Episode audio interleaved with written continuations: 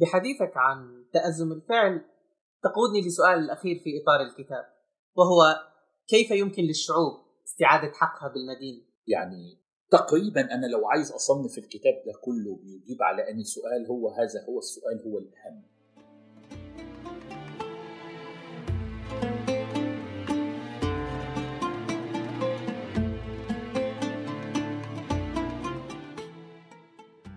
مرحبا بكم في الحلقة الرابعة من الموسم الثاني من بودكاست غين.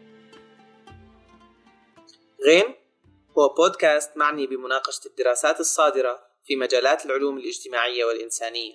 والحلقة اليوم هي من تقديمي أنا عمر المغربي باحث في المركز العربي للأبحاث ودراسة السياسات.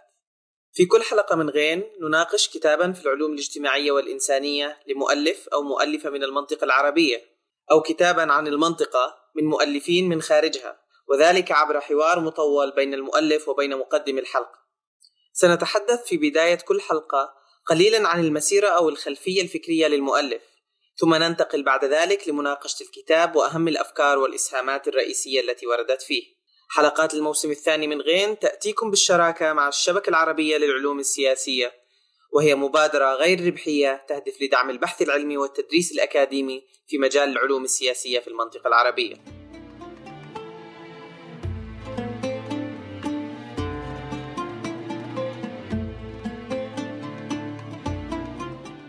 علمت ثورات الربيع العربي بداية فصل جديد في تاريخ المنطقة العربية. وعلى الرغم من الانتكاسات والتعثرات التي ارتسمت على صفحات هذا الفصل الجديد إلى أن مستهله أعاد تذكيرنا بأن إمكانيات التاريخ لم تنتهي ولم تستنفد بعد وأن احتماليات التغيير كامنة مهما بدت تمظهرات الواقع قاسية ومعقدة. من هنا فإن إعادة التفكير في عدد من القضايا التي اتصلت بتعقد هذا الواقع والعلاقات الكامنة فيه والبانية له غدا أمرا لا بد منه عند محاولتنا التفكير في أمر واقعنا اليوم. شغلت الثورة المصرية مساحة مهمة من صفحات هذا الفصل، وكان ميدان التحرير أيقونتها الأبرز، غير أن محاولة فهم البعد المكاني في تشكيل حدث الثورة لم ينل مقدارا كافيا من الدرس والبحث. في هذه الحلقة سنناقش كتابا حول ميدان التحرير، هذا الميدان الذي اقترن في وعينا بانتفاضات الربيع العربي كيف ارتبطت مادية الميدان برمزية الثورة؟ وكيف يمكننا فهم التحولات الأبرز التي مر بها ميدان التحرير تاريخيا؟ وما هي طبيعة العلاقات بين الفضاءات الحضرية العامة وأدوارها الاجتماعية والسياسية والثقافية؟ هذه الأسئلة وغيرها سنناقشها في هذه الحلقة من غين والتي نستضيف فيها أستاذ العمارة والعمران في جامعة حمد بن خليفة الدكتور علي عبد الرؤوف مؤلف كتاب شعب وميدان ومدينة العمران والثورة والمجتمع القصة الإنسانية والمعمارية لميدان التحرير والذي صدر عن المركز العربي للأبحاث ودراسة السياسات عام 2019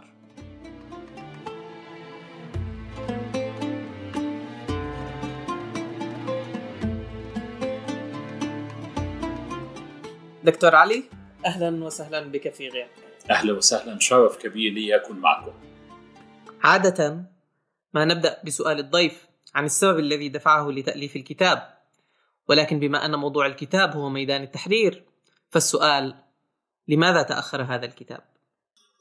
طبعا اهتمامي بميدان التحرير وبثورة 25 يناير بدأ مع اللحظات الأولى لتدفق المصريين إلى هذا الميدان. لكن لأجيب إجابة دقيقة عن سؤال حضرتك السبب الرئيسي في التأخر هو إدراك مني أن سردية ميدان التحرير لا يجب أن يتم الاستجابة لها فقط في إطار انفعالات ما بعد التنحي. أنا شعرت أن جزء كبير جدا من الكتابات التي تحدثت عن الثورة بمعناها الكبير أو عن الثورة في نطاقها المكاني وهو ميدان التحرير كانت تركز على فترة ال 18 يوم وما تلاهم. أنا اعتقدت أن التمهل سيعطي لي فرصة لأن يكون عندي نظرة أكثر شمولية وأكثر عمقا. وهذا كان سبب تأخري في إنتاج الكتاب. جميل. آه، أبدأ بالحديث عن الفصل الأول. تبدأ فصلك بالحديث عن الفضاء العام. وكما نعلم بأن معظم نظريات الفضاء العام تستند لما قدمه الفيلسوف الألماني يورغن هابرماس ولكن حديثه كان حول فضاء عام برجوازي يرتبط إلى حد كبير بالتطور التاريخي والاجتماعي للمجتمعات الأوروبية. وبالتالي ما الذي نعنيه بالفضاء العام بالسياق العربي؟ وبماذا يختلف عن نظيره في المجتمعات الغربية؟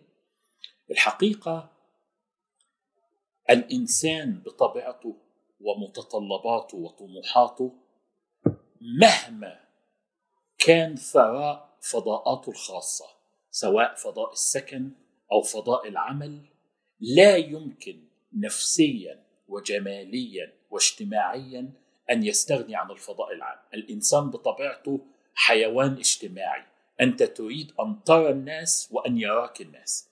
اذا الفضاء العام بتعبيره البسيط هو السياق الذي يمكن الجماعه الإنسانية من أن تلتقي وتتفاعل وتتشابك.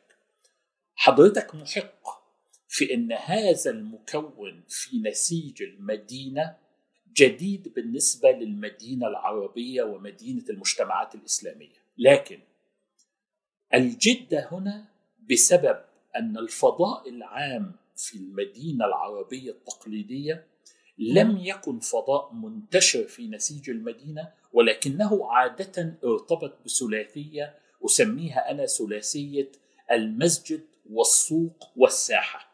الساحة التي كانت تمثل هذا الفضاء العام هي امتداد للمسجد وأحيانا تتم فيها أيضا طقوس الصلاة وعلى حوافها مجموعة من الأنشطة التجارية والسوق بمعناه القديم ولذلك عندما تتأمل حالة بعض المدن مثل القاهرة أو دمشق أو بغداد تشعر أن قمة ديناميكية المدينة كانت تحدث عندما تتقارب هذه الثلاثية ثلاثية السوق والساحة والمسجد. وهذا هو الفارق الذي يجعلنا مختلفين قليلا عن الطرح البرجوازي الأوروبي الذي كانت فيه البلازا. أو أو الفضاء الحدائقي العام المخصص لعلية القوم هو المسيطر أكثر في الصورة البصرية للمدينة.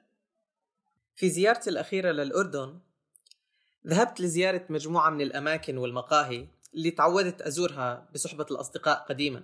معظم هؤلاء الأصدقاء الآن في غربة.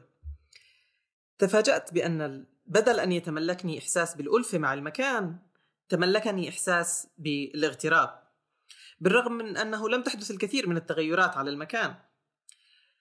ولكن حينها تنبهت إلى أن القيمة الرمزية للبشر هي جزء من تكوين المكان. ومع ذلك لم أتمكن من فهم هذه العلاقة بين المجالين المادي والرمزي. هل يمكن لك أن توضح لي هذه العلاقة؟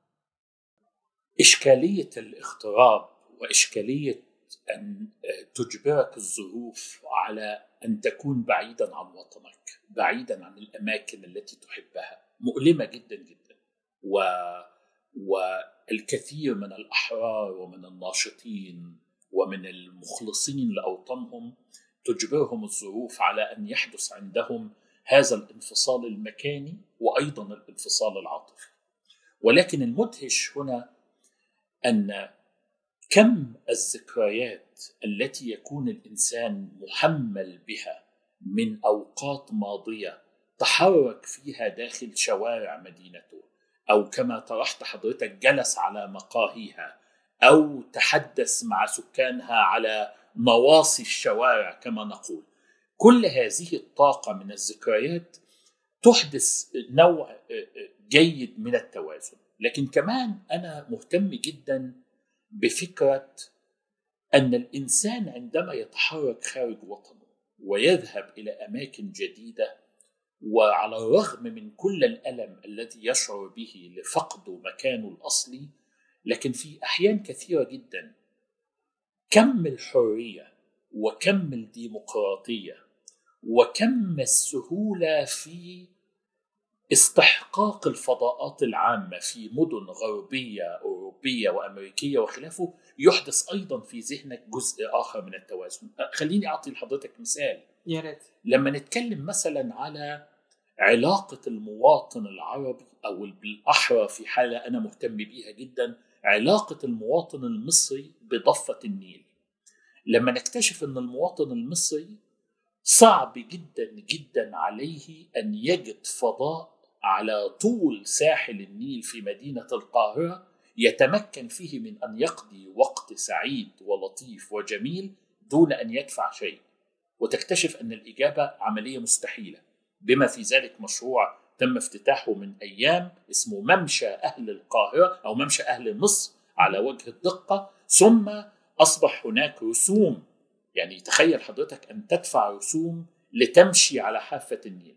في الوقت إنك تروح مدن أوروبية وأمريكية متعددة وتشعر شعور حقيقي أن كل مواطن وهذا بقى هو فلسفة الفضاء العام كل مواطن مهما كان جنسه دينه عرقه مستواه المادي والثقافي والاقتصادي وخلافه لكنه عنده إحساس بالإستحقاق الكامل.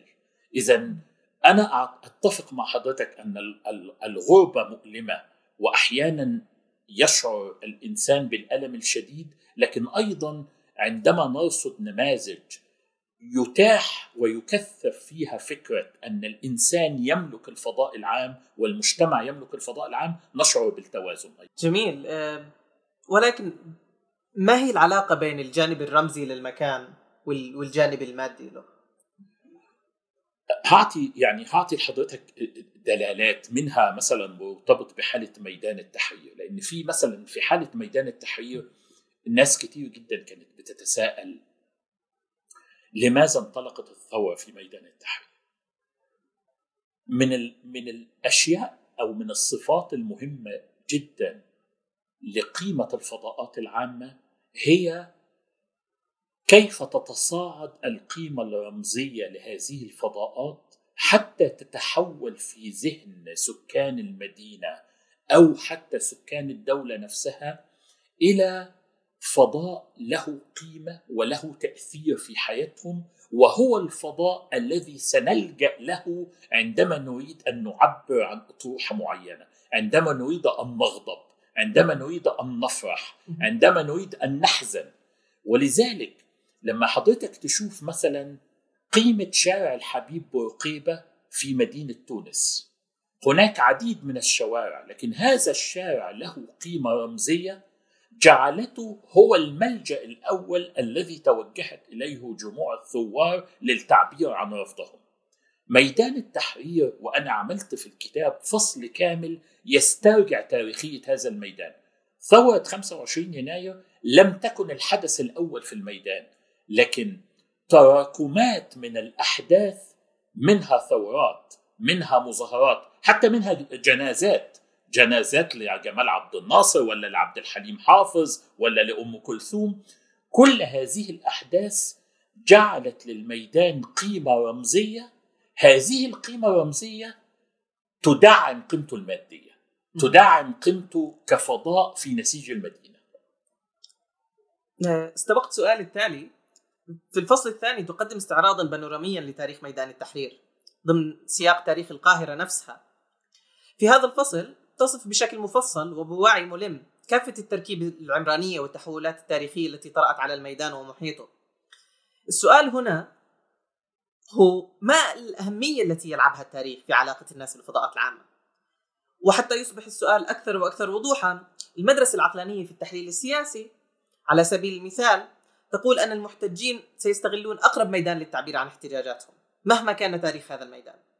فأهمية الميدان بالنسبة لهذه المدرسة وظيفي بحت لكن يبدو من خلال كلامك إجابتك السابقة ومن خلال هذا الفصل أنك ترى أن هناك معنى إضافي رمزي وتاريخي يجعل من اختيار ميدان التحرير مفهوما ومعقولا وطبيعيا ضمن سياق تاريخ القاهرة السياسي، هل هذا صحيح؟ أنا أنا أعتقد أن كلام حضرتك صحيح جدا ودعني أيضا من خلال الكتاب ومن خلال النقاش أحاول أن أقدم دلالات على هذه الفكرة. يقينا عندما تحدث طاقة الاعتراض وطاقة الثورة وشجاعة الخروج إلى التعبير عن هذا الاعتراض الناس تنطلق في أي مكان متاح لهم. ولذلك عندما تتأمل حضرتك تفاصيل ثورة 25 يناير كان في انطلاقات في السويس في انطلاقات في الفيوم في انطلاقات في صعيد مصر في انطلاقات في أجزاء مختلفة من القاهرة بولاء الدكور والمطرية وخلافه. لكن السؤال هو لماذا تدفق كل هؤلاء في النهاية إلى ساحة ميدان التحرير؟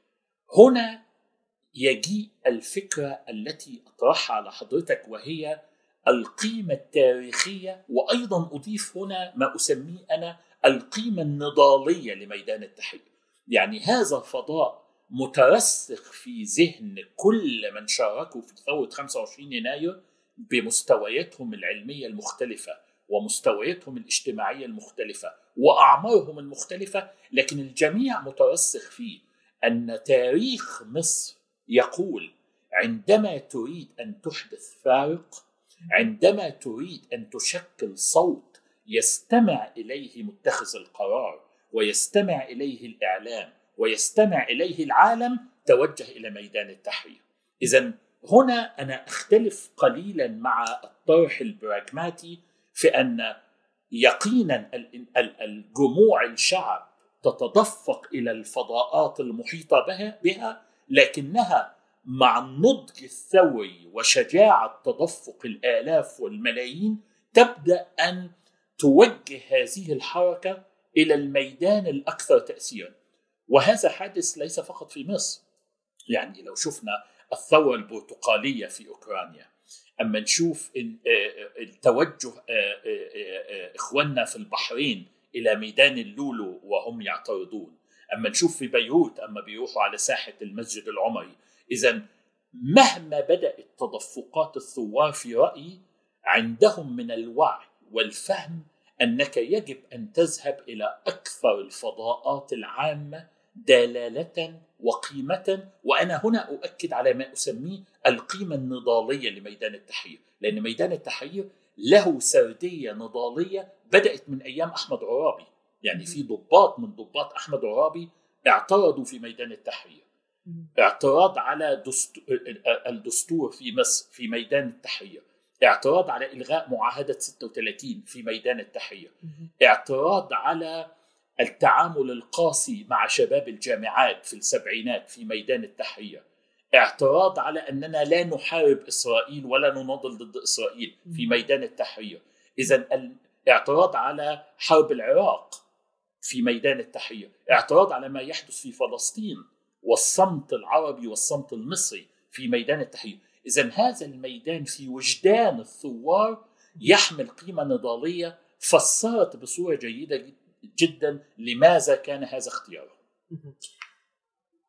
في حياتنا اليومية لا نتصور أن هناك علاقة بين العمران والبنى الحضارية مع الفضاء السياسي ولكنك تؤكد ذلك على طول الكتاب أن ثمة علاقة وطيدة وعميقة في الواقع بين البعد السياسي والبنى الحضارية. وبالتالي أودي السؤال كيف لشكل وبناء المدينة أن يؤثر على الوعي والتشكل السياسي للشعوب؟ السياسة هي سعي دائم لتحقيق حياة راقية لتحقيق مثل لتحقيق قيم لتحقيق ديمقراطية لتفعيل الحرية. هي هذه هي أهداف الحكم السياسي باطاره المثالي. ولذلك هذه القيم من الصعب جدا أن ترصد في حالة الفضاءات الخاصة. يعني ما هي قيمة أن أقول أنني في مسكني أشعر بالديمقراطية؟ أو أنني في مكان عملي أشعر بالديمقراطية. لكن الاختبار الحقيقي هو المدينة والدولة التي تسمح لسكانها بأن يتمتعوا بفضاءات عامة مفتوحة يمارسون فيها حقهم الدستوري وحقهم القانوني في التعبير الجماعي.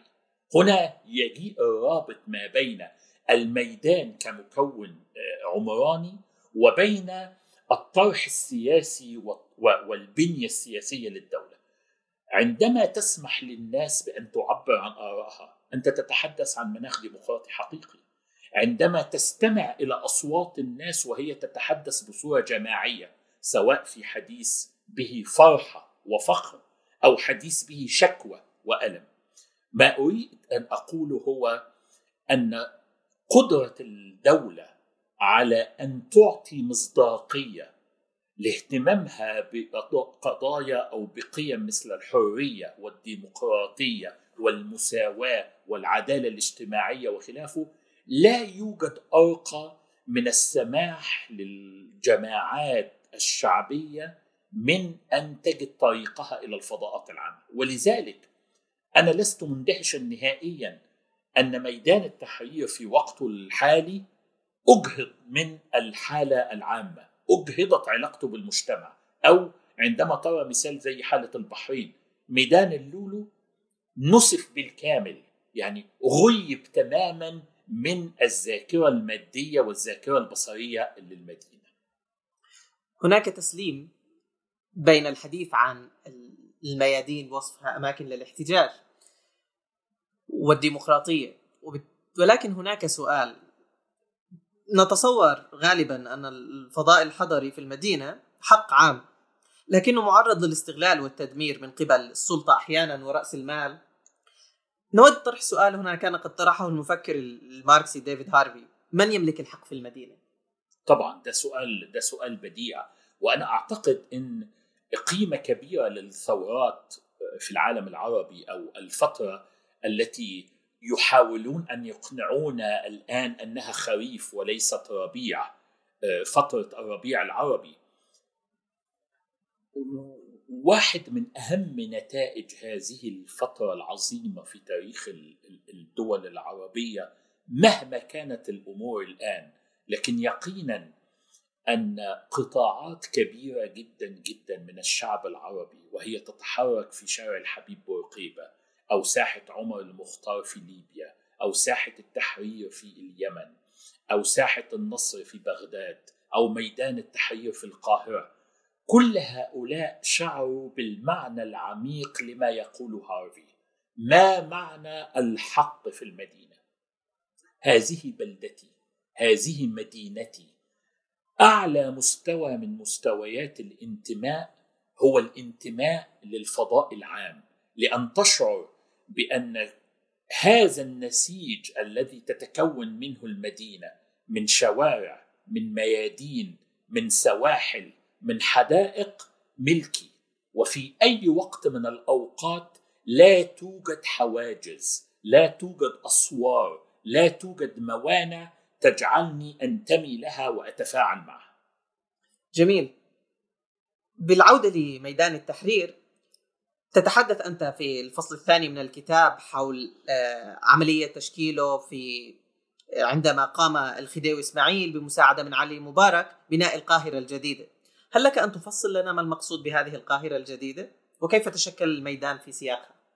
الحقيقة كان مهم لي وأنا أتناول قضايا ميدان التحرير أن أحدث رابط كبير بينه وبين السياق الأكبر السياق العمراني والاجتماعي والثقافي وحتى النضالي والثوري وهو مدينة القاهرة. ومدينة القاهرة مدينة أنا أعتقد أنها مع إسطنبول في تركيا وروما في إيطاليا من أكثر مدن العالم تعقيدا. وهذا التعقيد ناتج من تراكم الطبقات العمرانية والثقافية والاجتماعية التي جعلت المدينة شديدة الثراء. يعني أي قطاع طولي في مدينة القاهرة أو مدينة إسطنبول أو مدينة روما يكشف لك هذا الثراء المحمل بالتنوع والمحمل بتداخل الحضارات وتداخل الثقافات. حالة مدينة القاهرة مهمة لأن القاهرة حدث بها كما سردت في كتابي ما يمكن أن نسميه انتقالات رئيسية وجذرية وجوهرية أسميتها في الكتاب القاهرة الأولى والقاهرة الثانية والقاهرة الثالثة. القاهرة في أصلها وفي بدايتها ثم نموها حتى حقبة الخديوي وعائلته كانت في إطار ما نسميه نحن القاهرة الإسلامية التي أصبح لها حدود واضحة بأسوار القاهرة وبوابتها الشهيرة كبوابة النصر والزويلة وخلافه. الخديوي إسماعيل درس في باريس ثم كان له زيارة فارقة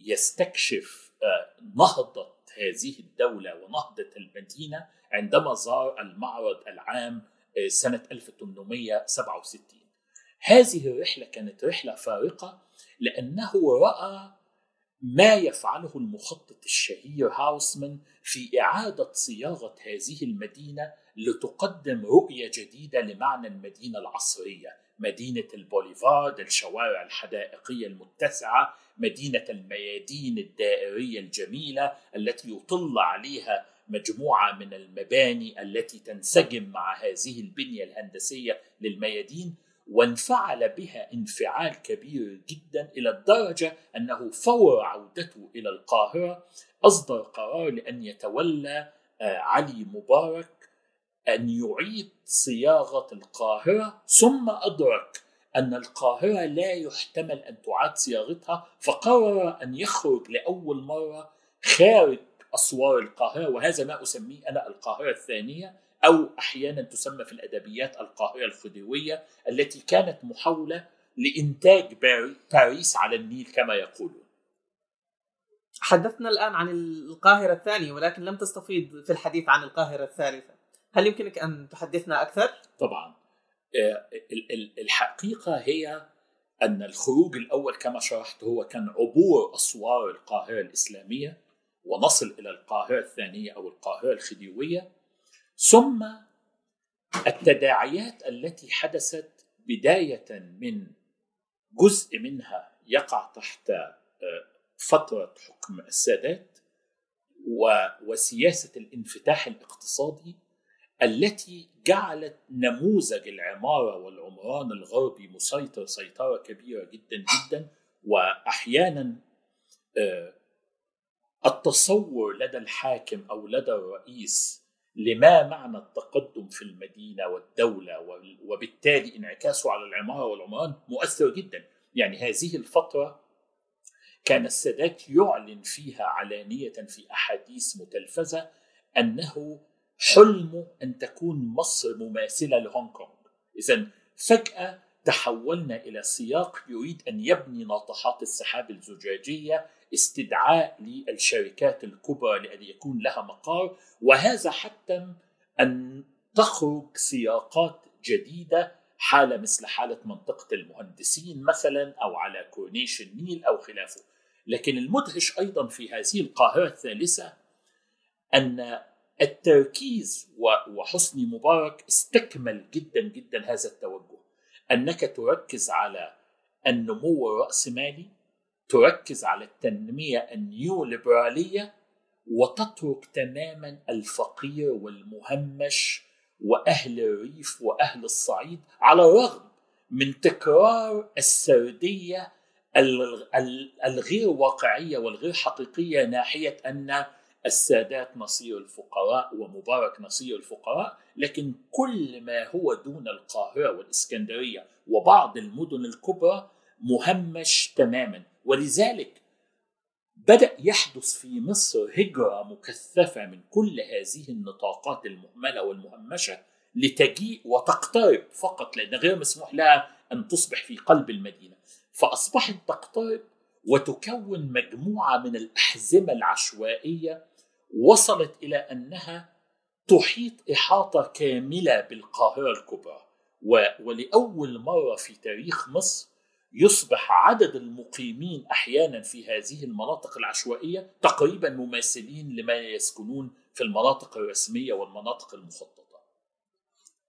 بالحديث عن الصور الممكنة لميدان التحرير، طرحت في الكتاب مجموعة من التصورات التي يمكن من خلالها تطوير الميدان لتتوائم مع المكان الرمزية التي باتت تشغلها في في قلوب الناس.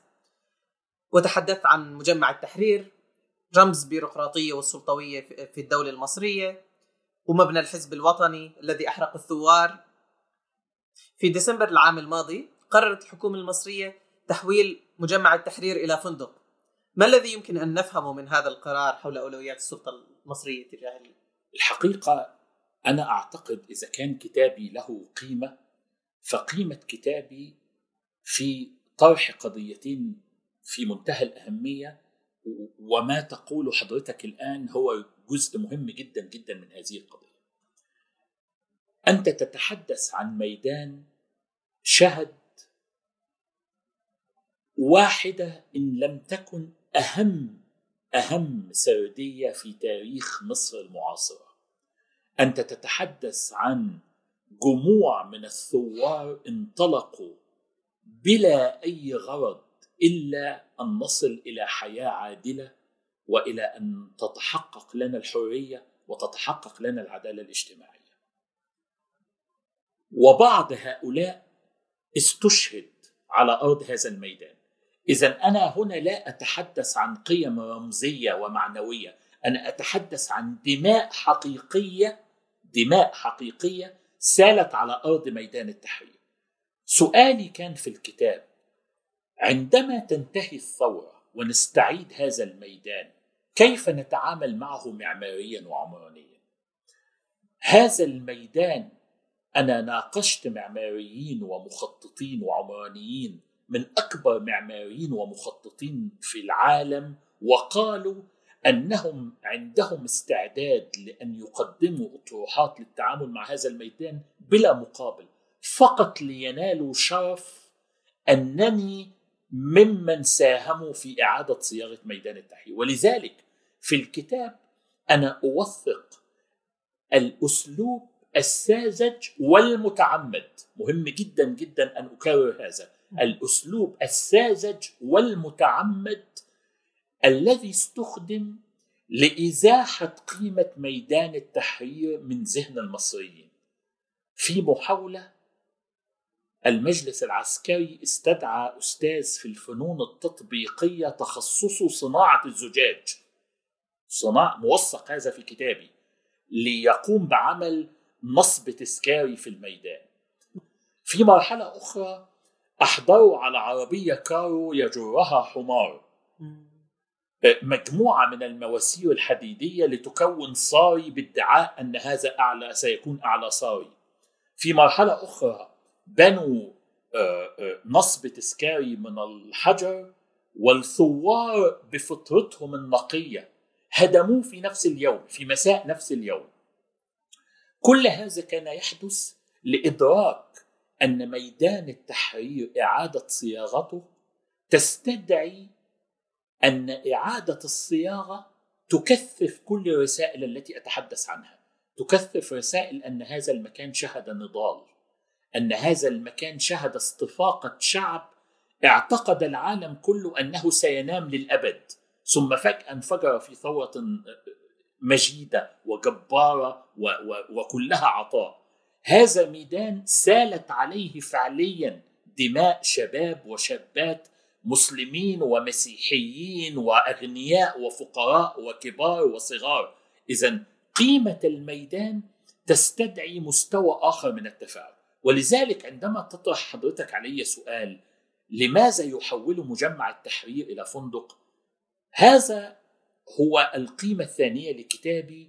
أنني أدركت أن ميدان التحرير الآن هناك خطة متعمدة لتحويله من مكان مقدس يحج إليه الشعب المصري بالمعنى العميق لكلمة حج أنا شاهدت بعيني في ميدان التحرير أب يصطحب زوجته وأولاده ليس لهم علاقة بالسياسة، ليس لهم علاقة بالثورة، لكن يستشعروا طاقة من هذا الميدان. ولكن السلطات انتبهت انتباه بديع لهذه الأفكار، وأصبح كل جهدها هو كيف نجهد هذه الطاقة الثورية بأن يتحول الصورة تتحول الصورة الذهنية والوجدانية لميدان التحرير من فراغ ثوري مقدس إلى فراغ مهمل ومدنس. وليس هذا فقط ولكنه فراغ لا يخاطب المجتمع. يتحول تدريجيا إلى فراغ مخصخص. مخصخص بمعنى المتحف المصري ينتقل إلى مكان آخر. الفندق والحديقة تتولاه ريتس كارلتون المسجد يصبح مهمل مسجد عمر مكرم وهو مهم جدا وينتقل إلى مكان آخر. مجمع التحرير الذي بكل ما هو فيه من بيروقراطية لكن كان فراغ متاح. تروح تجدد الباسبور تروح تجدد البطاقة تروح تنقل أصبح فندق من نوع جديد.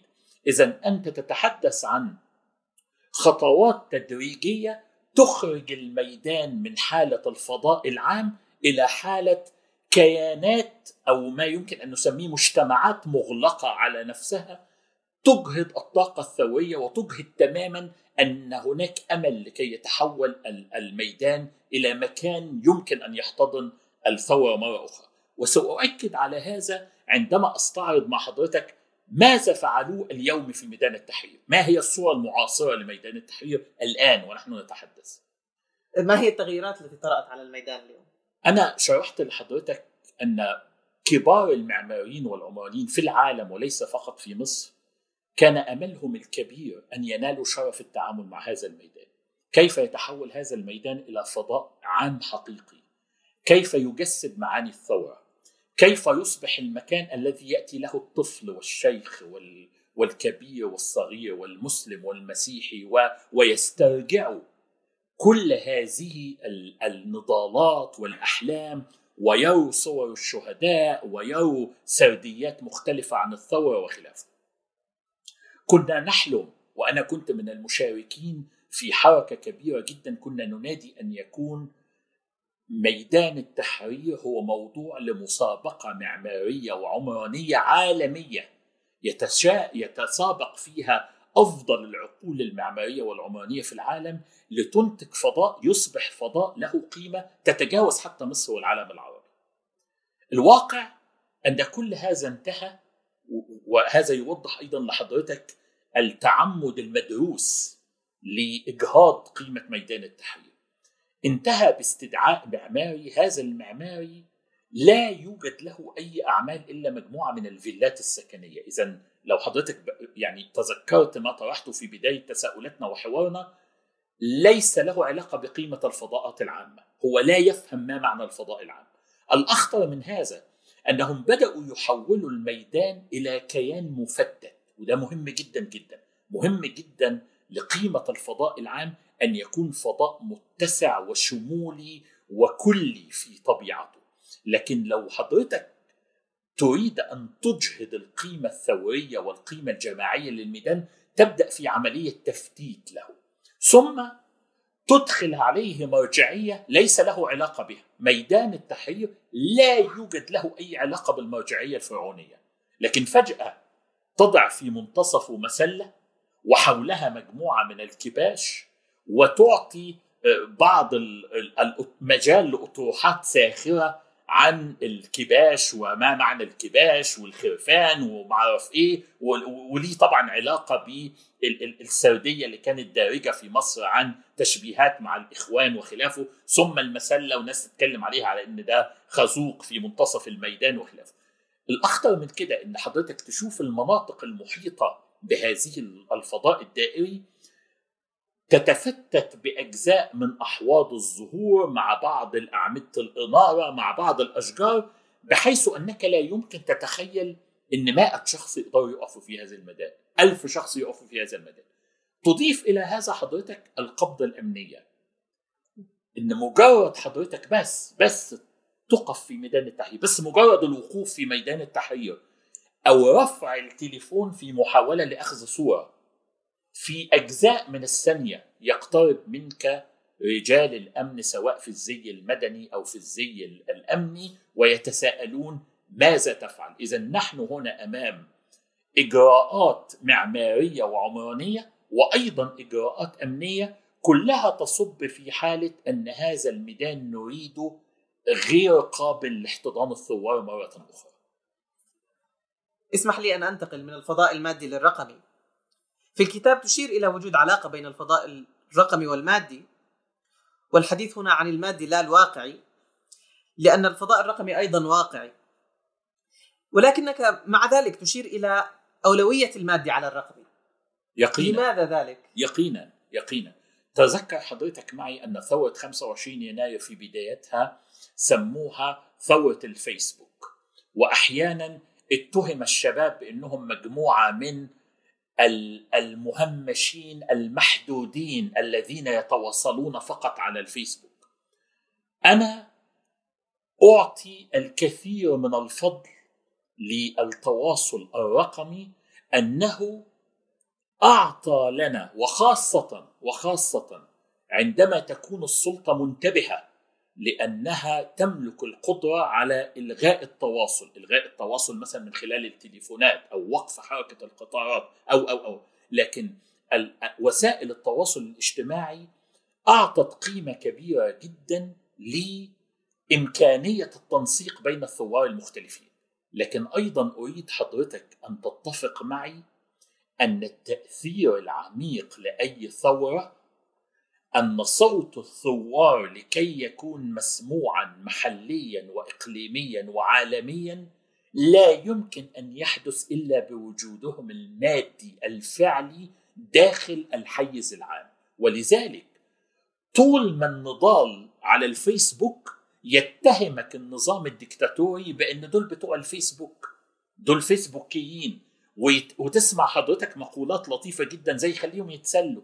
ده الولاد لطاف هنبقى نوزع عليهم بونبوني وخلافه إمتى يستشعروا الخطورة؟ عندما يتدفق هؤلاء إلى حيز الفضاء المادي. ولذلك أنا أقول أنا لا أرفض التواصل الرقمي. بالعكس نحن مدينين له بفضل كبير أنه أحدث تنسيق صفحة خالد سعيد وصفحات الثوار المختلفين. وحتى الوقت اللي إحنا فيه هناك تواصلات بالذات للثوار والناشطين اللي خارج مصر.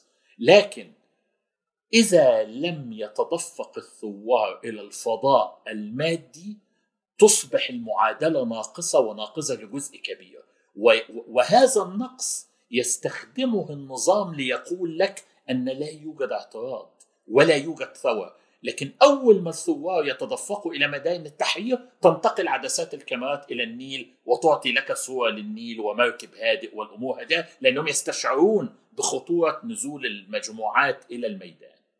بعد الموجة الأولى للربيع العربي قامت الأنظمة العربية ومنها مصر بشراء تقنيات مراقبة وسيطرة على الفضاء الرقمي من مختلف من العديد من الدول منها الصين وإسرائيل في محاولة لضبط هذا الفضاء في تقديرك هل حققت الحكومات الأهداف المرجوة من ذلك؟ وهل ترى أن الأنظمة العربية استطاعت التحكم بالفضاء الرقمي في مرحلة ما بعد الربيع العربي؟ أنا وجهة نظري خاصة أن ايا من يدعي أنه يتحكم في الفضاء الرقمي فهو واهم. وأنا شخصيا رحت الصين أكثر من ست سبع مرات. يعني أعلى مستويات الرقابة موجودة في الصين وأعلى مستويات الاختراق موجودة في الصين لأن بالذات مع الأجيال الجديدة قدرتهم التقنية على اختراق هذه الأنظمة مذهل مذهل وعندما يرتبط هذا الاختراق برغبات الحرية ورغبات السعي وراء الديمقراطية لا يمكن توقف هذه الطاقة. ولذلك أنا أقول مبارك شراء الأجهزة الجديدة مبارك شراء الأنظمة المراقبة من الصين ومن إسرائيل وبخلافه. لكن دعونا نتذكر أن لحظة الانطلاق ولحظة الطاقة الثورية لا يقف معها أي شيء. أنا عايز حضرتك والصورة دي موجودة في الكتاب. يعني إحنا بنتكلم بدون صور لكن أنا أتمنى أن من يستمع إلينا يضع أمام عينيه الآن مشهد ثوار مصر وهم يتحركون على كبري قصر النيل يهاجمون بمدافع المياه ويهاجمون في الأوجه بقنابل مسيله للغاز و و ومستوى مذهل من الإصرار والمقاومة يؤدي إلى أن هذه الجحافل من قوات الأمن بتجهيزاتها الرهيبة وعرباتها المدرعه تتراجع تتراجع تتراجع حتى يصبح كبري قصر النيل بوابة إلى دخول ميدان التحرير. ما أريد أن أقوله أن عندما تتوافق اللحظة الملائمة والمناسبة للعمل الثوري مهما كانت درجات الرقابة ومهما كانت الإجراءات الأمنية كل هذا يتداعى أمام إخلاص الثوار. بالعودة من الفضاء الرقمي إلى الفضاء المادي ثمة عبارة جدا لافتة تردها في الكتاب تقول فيها يجب أن ينعكس انتماء المكان إلى المجتمع من جهة وانتماء المجتمع إلى المكان من جهة أخرى ما الذي يعنيه ذلك؟ وهل يمكن إعطاء أمثلة على مدن عربية لا يحدث فيها هذا الاغتراب بين المجتمع والمدينة؟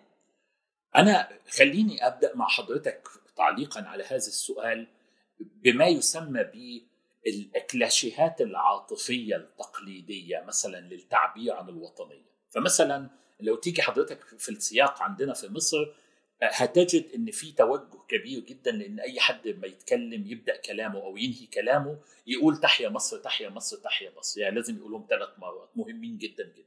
بما فيهم السيسي نفسه متبني هذا الموضوع. طيب هل تحيا مصر هنا معناها أننا نتحدث عن كيان مجرد مجهول أم أنني أتحدث عن شعب مصر؟ طيب إذا كان من يعيش في مصر لا يستطيع دخول ميدان التحرير.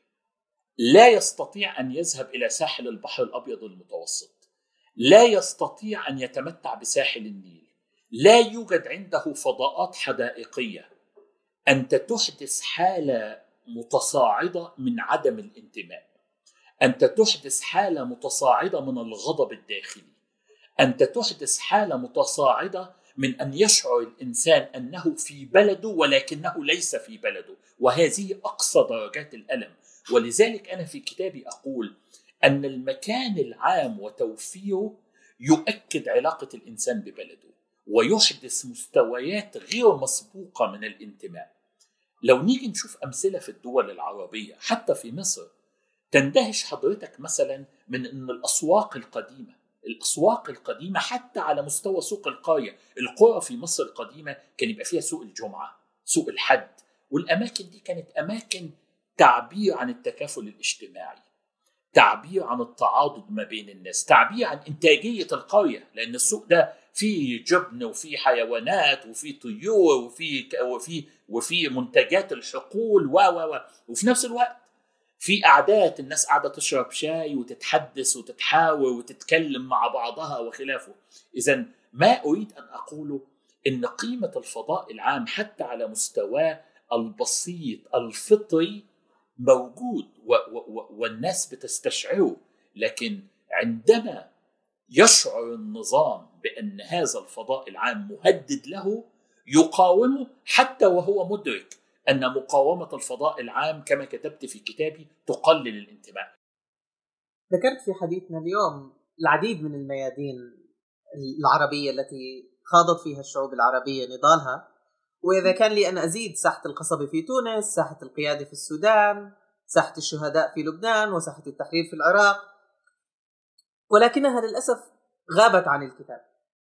ربما يكون التركيز في هذا الكتاب حول ميدان التحرير ولكن ألا تظن بأن قراءة مقارنة بين الميادين العربية كان يقدم لنا صورة أفضل حول ميدان التحرير أيضا؟ طبعا حضرتك محق حضرتك محق لكن كمان علشان أكون منصف أنا أعتقد إن كما هو موجود في عنوان الكتاب شعب وميدان وثورة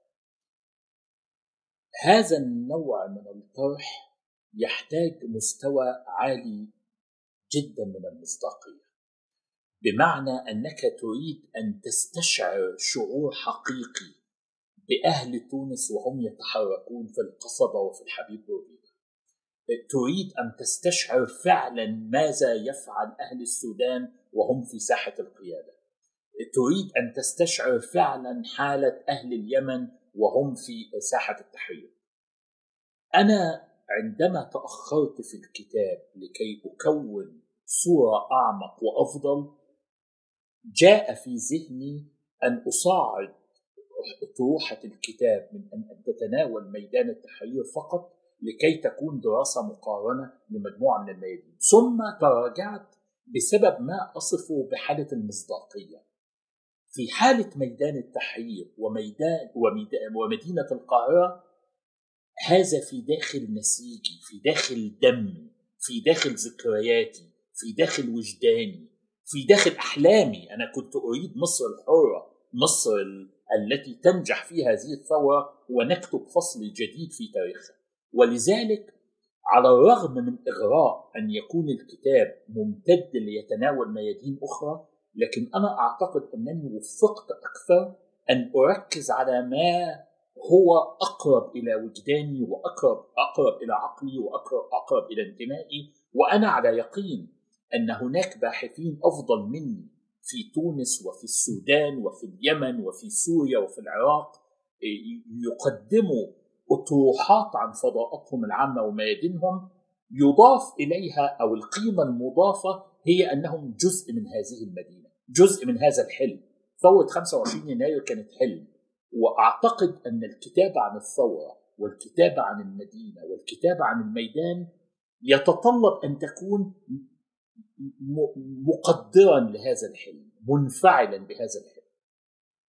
في سؤالنا حول المكان والميدان والثورة لا يمكننا تجاهل السؤال حول المنفى خاصة أن المنفى تحول من مسألة فردية لمسألة جماعية بتضم شعوب بحالها مثل الحالة السورية أو مجتمعات مثل المجموعات المصرية التي شتتت في أعقاب الثورة.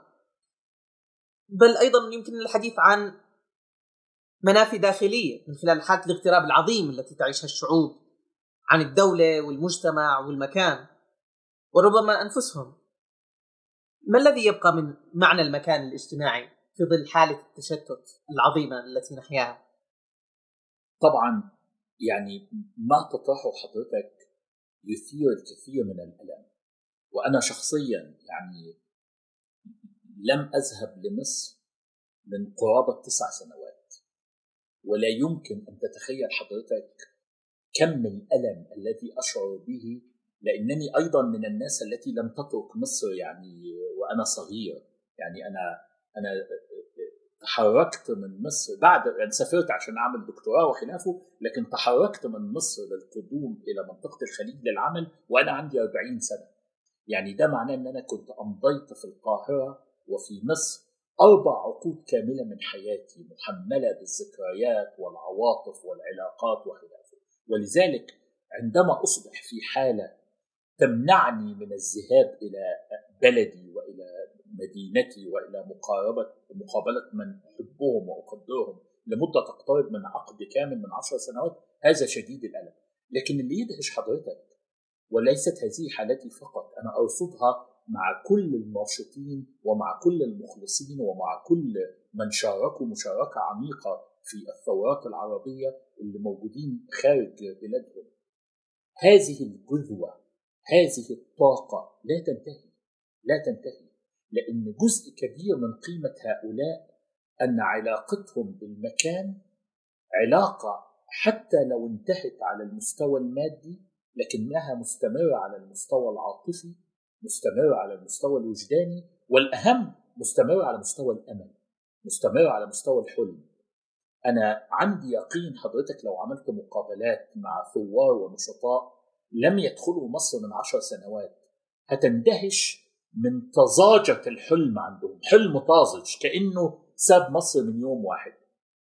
وهذا هو أملي الكبير أن مهما كان المخلص والمحب لوطنه نفس الكلام في الحالة السورية نفس الكلام في الحالة العراقية نفس الكلام في الحالة اليمنية وأنا عندي أصدقاء من كل هذه الجنسيات.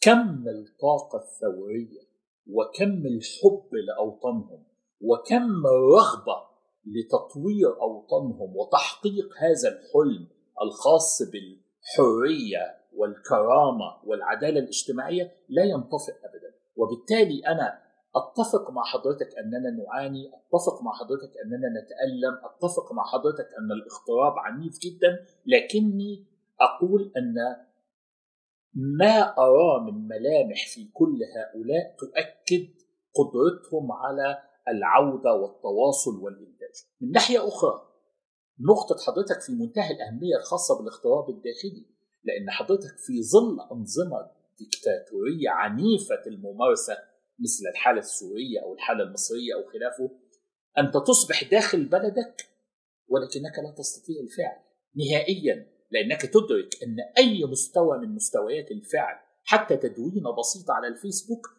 بتدفع ثمنها بعد ثلاث أو أربع ساعات من نشر التدوين ولذلك أنا بندهش اندهاش كبير جدا جدا من بعض الناس عندما يقولون المعارضة من خارج مصر أو المعارضة من خارج سوريا يجب أن تتوقف بالعكس أنا أعتقد أن كلمة الفضاء العام سواء كما طرحنا في النقاش بمعناها المادي أو بمعناها الرمزي تستحق أن يساهم فيها الجميع. بحديثك عن تأزم الفعل تقودني لسؤال الأخير في إطار الكتاب وهو كيف يمكن للشعوب استعادة حقها بالمدينة؟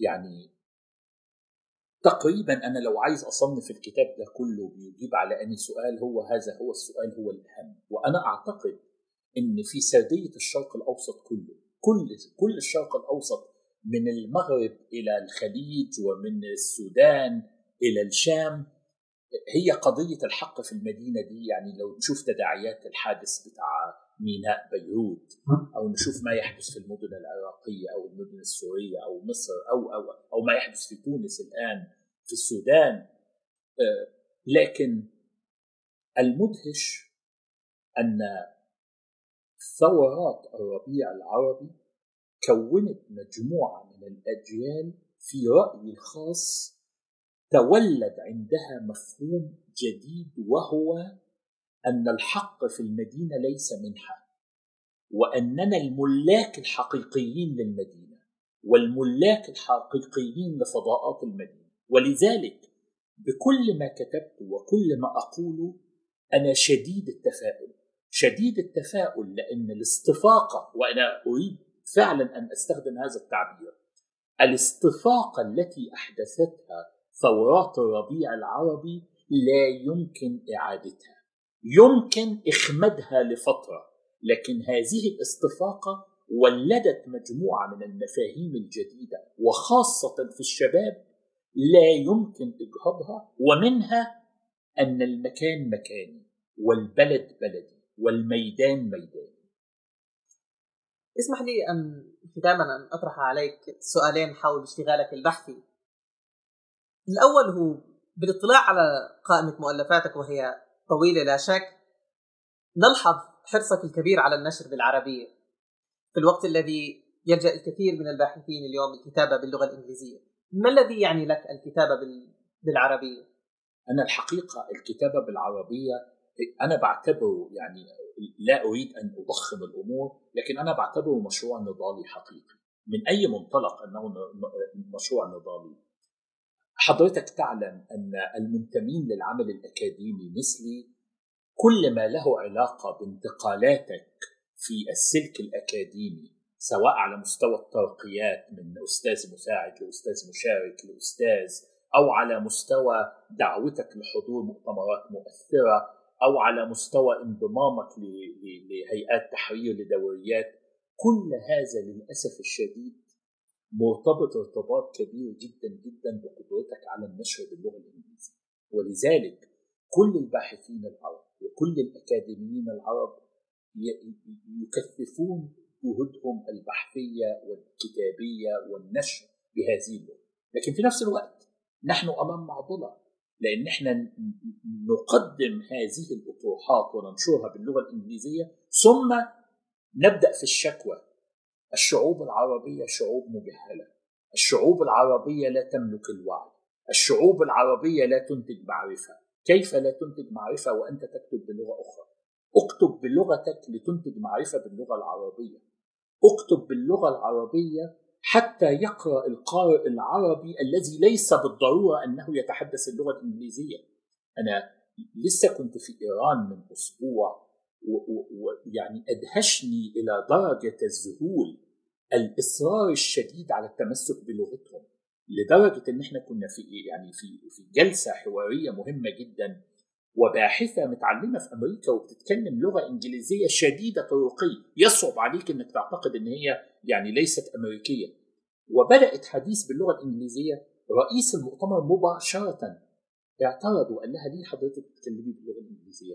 فقالت له أنا بس اكراما للضيوف لها إحنا جايبين مترجمين. لكن هذا الكم من الإيرانيين الجالسين للاستماع يستحقوا أن نتحدث بلغه وطن فأنا الحقيقة اهتمامي باللغة العربية والنشر بها له علاقة بما أسميه أنا مشروع نضالي معرفي من أجل أن يقرأ الإنسان بلغة الأم. السؤال الأخير هو ما مشروعك القادم دكتور علي؟ والله أنا دلوقتي بعمل يعني تقريبا في الخطوات الأخيرة من كتاب أنا أنا مهتم جدا بما أسميه شمولية الفنون. وأنا على الرغم من تخصصي في العمارة والعمران لكن أنا عندي ما يمكن أن تسميه حضرتك إيمان بفكرة أن تصميم المبنى أو تخطيط المدينة لا يمكن أن يتم بصورة ناجحة دون أن يكون عندك معرفة اجتماعية معرفة سياسية معرفة ثقافية معرفة فنية. وجزء من هذه المعارف أنني كتبت كتاب مثلا عن علاقة المدينة بالرواية. كتاب اسمه مدن العرب في روايتهم وكنت أتتبع الروائيين العرب المختلفين كيف مثلت لهم المدينة بمكوناتها المختلفة قيمة في سرديتهم أنا الآن بعمل على يعني جانب آخر من جوانب الأعمال الإبداعية وهو السينما وعلاقة السينما بالعمارة والمدينة وكيف حدث دائما حوار بين الحالة السينمائية والحالة المعمارية والعمرانية لأن السينما كمان هي علاقة ما بين الإنسان والمكان. يعني نحن نذهب إلى السينما لنجلس لمدة ساعتين أو ساعة ونصف نتأمل حكاية تحدث بين إنسان ومكان. وهذا بالضبط ما نفعله في حالة العمارة والعمران. فأنا يعني بكثف جهودي هذه الفترة في إنهاء كتاب يتحدث عن العلاقة بين العمارة والمدينة والسينما. موضوع مثير جدا ونتمنى أن نعمل معك مقابلة عندما يصدر هذا الكتاب، شكرا جزيلا دكتور علي على هذا اللقاء الماتع والمفيد، اتمنى رؤيتك في جلسات أخرى. أنا اللي شاكر على الاستضافة وعلى وقتكم ولي كل الشرف أن أكون معكم